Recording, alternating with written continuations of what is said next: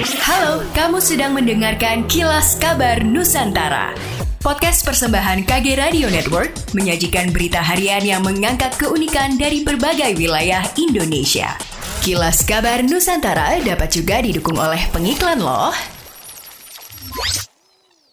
Gubernur Sumatera Selatan Haji Herman Deru menyampaikan rasa terima kasihnya kepada jajaran Forkopimda termasuk di antaranya dengan jajaran Kodam 2 Sriwijaya yang telah banyak berperan dalam menjaga kondusivitas wilayah Sumatera Selatan yang heterogen sehingga satu Sumsel Zero konflik hingga saat ini tetap bisa dipertahankan. Gubernur Herman Deru secara khusus menyampaikan keinginannya untuk terus menjalin sinergitas dengan semua pihak dalam segala hal termasuk sinergi dalam mempertahankan Sumsel Zero konflik. Sementara itu Pangdam 2 Sriwijaya Mayor Jenderal TNI Hilman Hadi mengaku sudah siap dengan tugas barunya termasuk menjalin sinergi dengan FKPD di lingkungan Pemprov Sumsel sekaligus melanjutkan tugas-tugas yang telah dijalankan Mayor Jenderal TNI Agus Soehardi sebelumnya.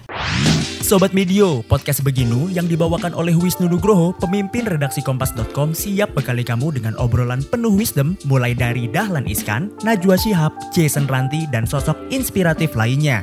Persembahan Medio Podcast Network by KG Media dan Kompas.com hanya di Spotify. Imigrasi Putus Ibau, Kabupaten Kapuas Hulu, kembali merangkul semua pihak untuk sama-sama melakukan pengawasan keberadaan orang asing di wilayah Kapuas Hulu, Provinsi Kalimantan Barat. Hal ini dilaksanakan dalam acara Coffee Morning dengan tema Sinergitas Timpora dalam optimalisasi pengawasan orang asing di wilayah Kabupaten Kapuas Hulu yang dilaksanakan oleh Imigrasi Putus Ibau di Warkop Bau pada hari Rabu 7 September 2022. Kepala Imigrasi Putus Ibau, Muhammad Ali Hanafi menyatakan tujuan dari dilaksanakan kegiatan ini adalah untuk mengajak seluruh seluruh pihak sama-sama mengawasi keberadaan orang asing di wilayah Kabupaten Kapuas Hulu. Dalam kegiatan ini juga hadir sejumlah pihak di antaranya kepolisian, BIN, BAIS, Intel, Bandara Pangsuma Putusibau, TNI, pemerintah daerah Kapuas Hulu, wartawan, dan para tamu undangan lainnya.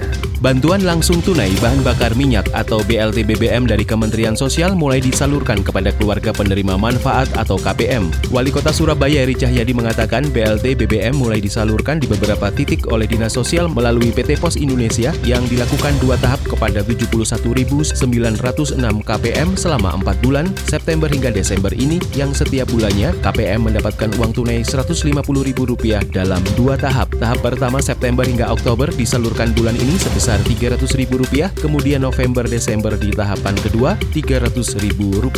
Kriteria penerima BLT BBM ini sama seperti KPM bantuan sosial sebelumnya, di mana KPM telah terdata di Data Terpadu Kesejahteraan Sosial atau DTKS yang telah melalui verifikasi Kemensos.